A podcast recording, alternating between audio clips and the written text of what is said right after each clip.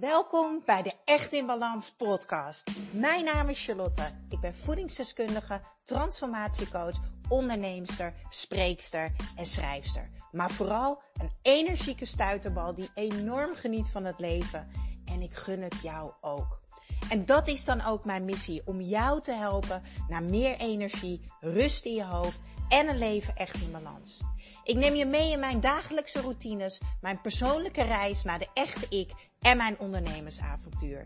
Maak je klaar voor een dosis positieve energie.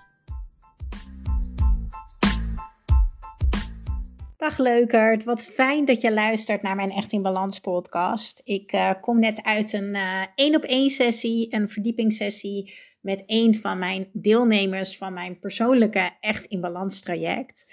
En we hebben vandaag eigenlijk een heel mooi rijtje gemaakt tijdens de sessie. Want waar ze heel erg tegenaan liep, en dat herken je misschien wel, is dat je eigenlijk niet zo aardig doet tegen jezelf. Dat je vaak hard bent, dat je vaak negatief bent, of dat je woorden gebruikt die eigenlijk niet motiverend werken.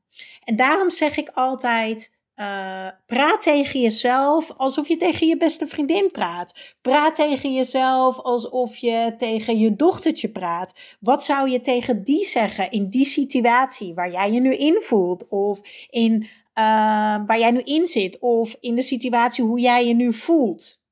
Daarom wil ik een aantal dingen met jou delen. Uh, dingen die je gewoon vaker tegen jezelf mag zeggen. Ik mag oefenen. Dat is de eerste die ik wil delen. Fouten maken is altijd beter dan maar uh, uh, um, perfectie faken. Jij mag oefenen.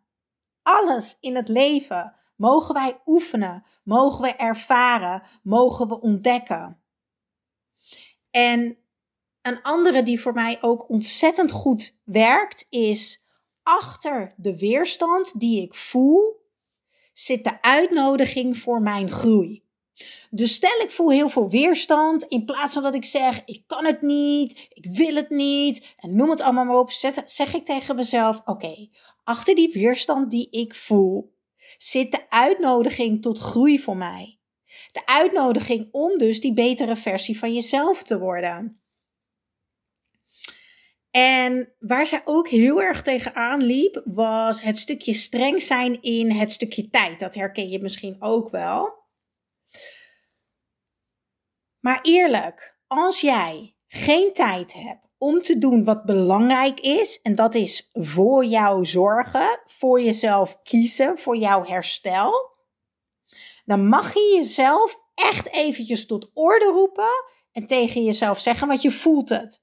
Je voelt het precies, je weet het wanneer je weer jezelf voorbij aan het lopen bent, wanneer je andere mensen weer aan het pleasen bent. Je weet het precies wanneer anderen weer belangrijker zijn dan jou.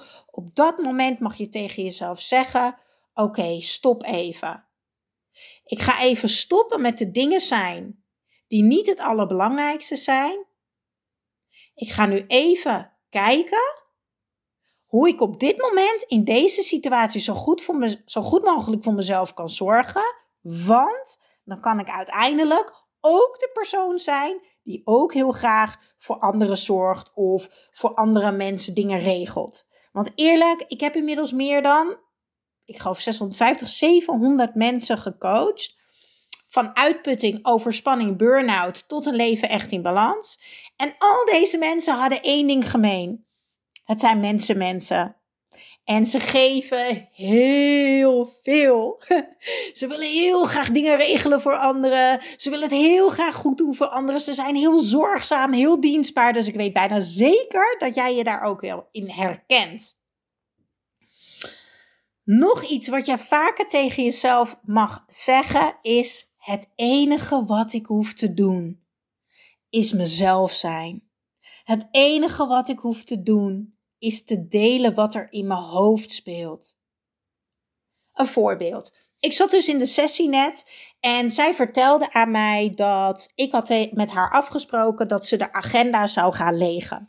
Want ze had gewoon nog superveel sociale afspraken staan. Want er waren ontzettend veel lieve vriendinnen die zeiden: Zal ik je anders even mee uit lunch nemen? Zullen we anders even gaan wandelen? Zullen we anders even een kopje koffie gaan doen? Super lief, alleen maar liefde.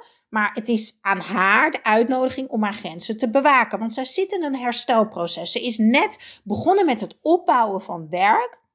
Dan is daaromheen de basis belangrijk. En in dit geval, zij is ook moeder. Ze heeft ook drie kinderen en een man met een eigen bedrijf. Dus ook thuis draaien dingen door. Dus daarnaast ook nog sociaal actief doen is veel te veel. Dus wat gebeurt er? De batterij is weer leeg. De energie is weer op. De klachten komen weer terug. Dus ik heb tegen haar gezegd: voor nu gaan we eventjes die sociale contacten op een lager pitje zetten. Tuurlijk kan je even appen en bellen en af en toe een theetje thuis doen op gevoel in het moment mag. Er is geen goed en fout in een herstel. Alles mag, want je bent aan het ervaren en ontdekken wat je wel en niet kan.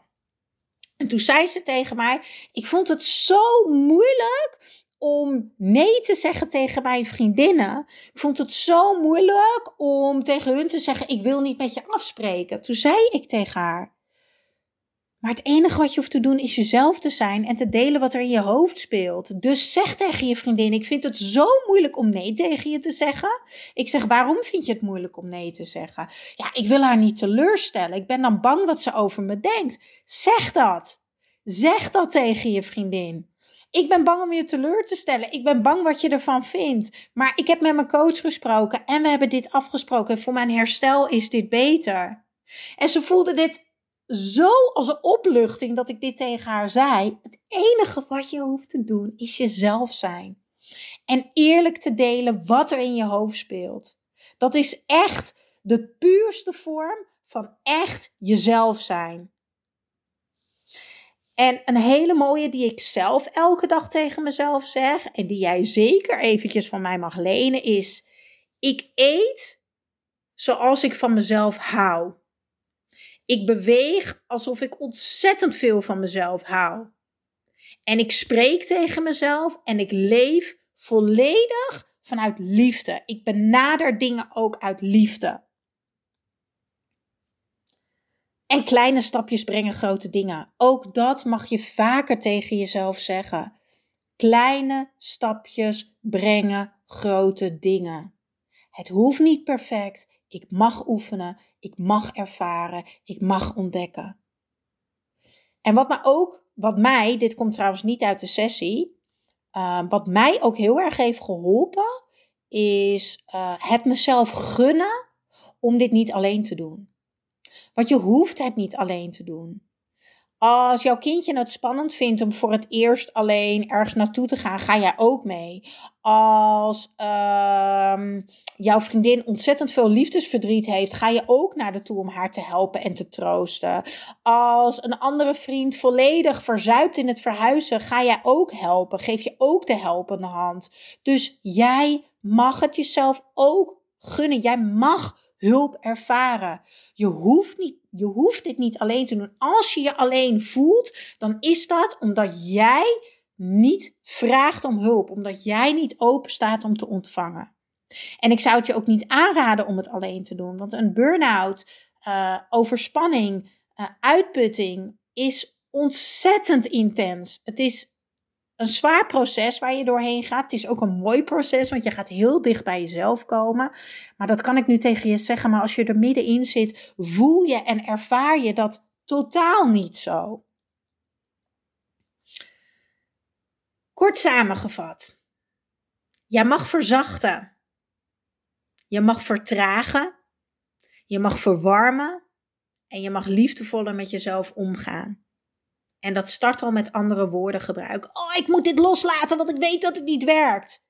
Of ik leg het even naast me neer. Misschien kan ik het later weer oppakken. Zie je dan wel? Ik kan het niet en het lukt niet en ik ga nooit beter worden. Ik ben aan het oefenen en die kleine stapjes die gaan me grote dingen brengen. Het komt goed. Ik mag daarop vertrouwen.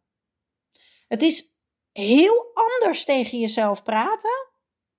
Maar het werkt verzachtend. Het werkt motiverend. En het is oefenen. Het is letterlijk een andere taal leren. Je hebt jaar in, jaar uit op een bepaalde manier tegen jezelf gepraat. Misschien jezelf helemaal naar beneden gehaald, negatief geweest, in problemen denken, beren op de weg zetten, je heel druk maken wat anderen van jou vinden.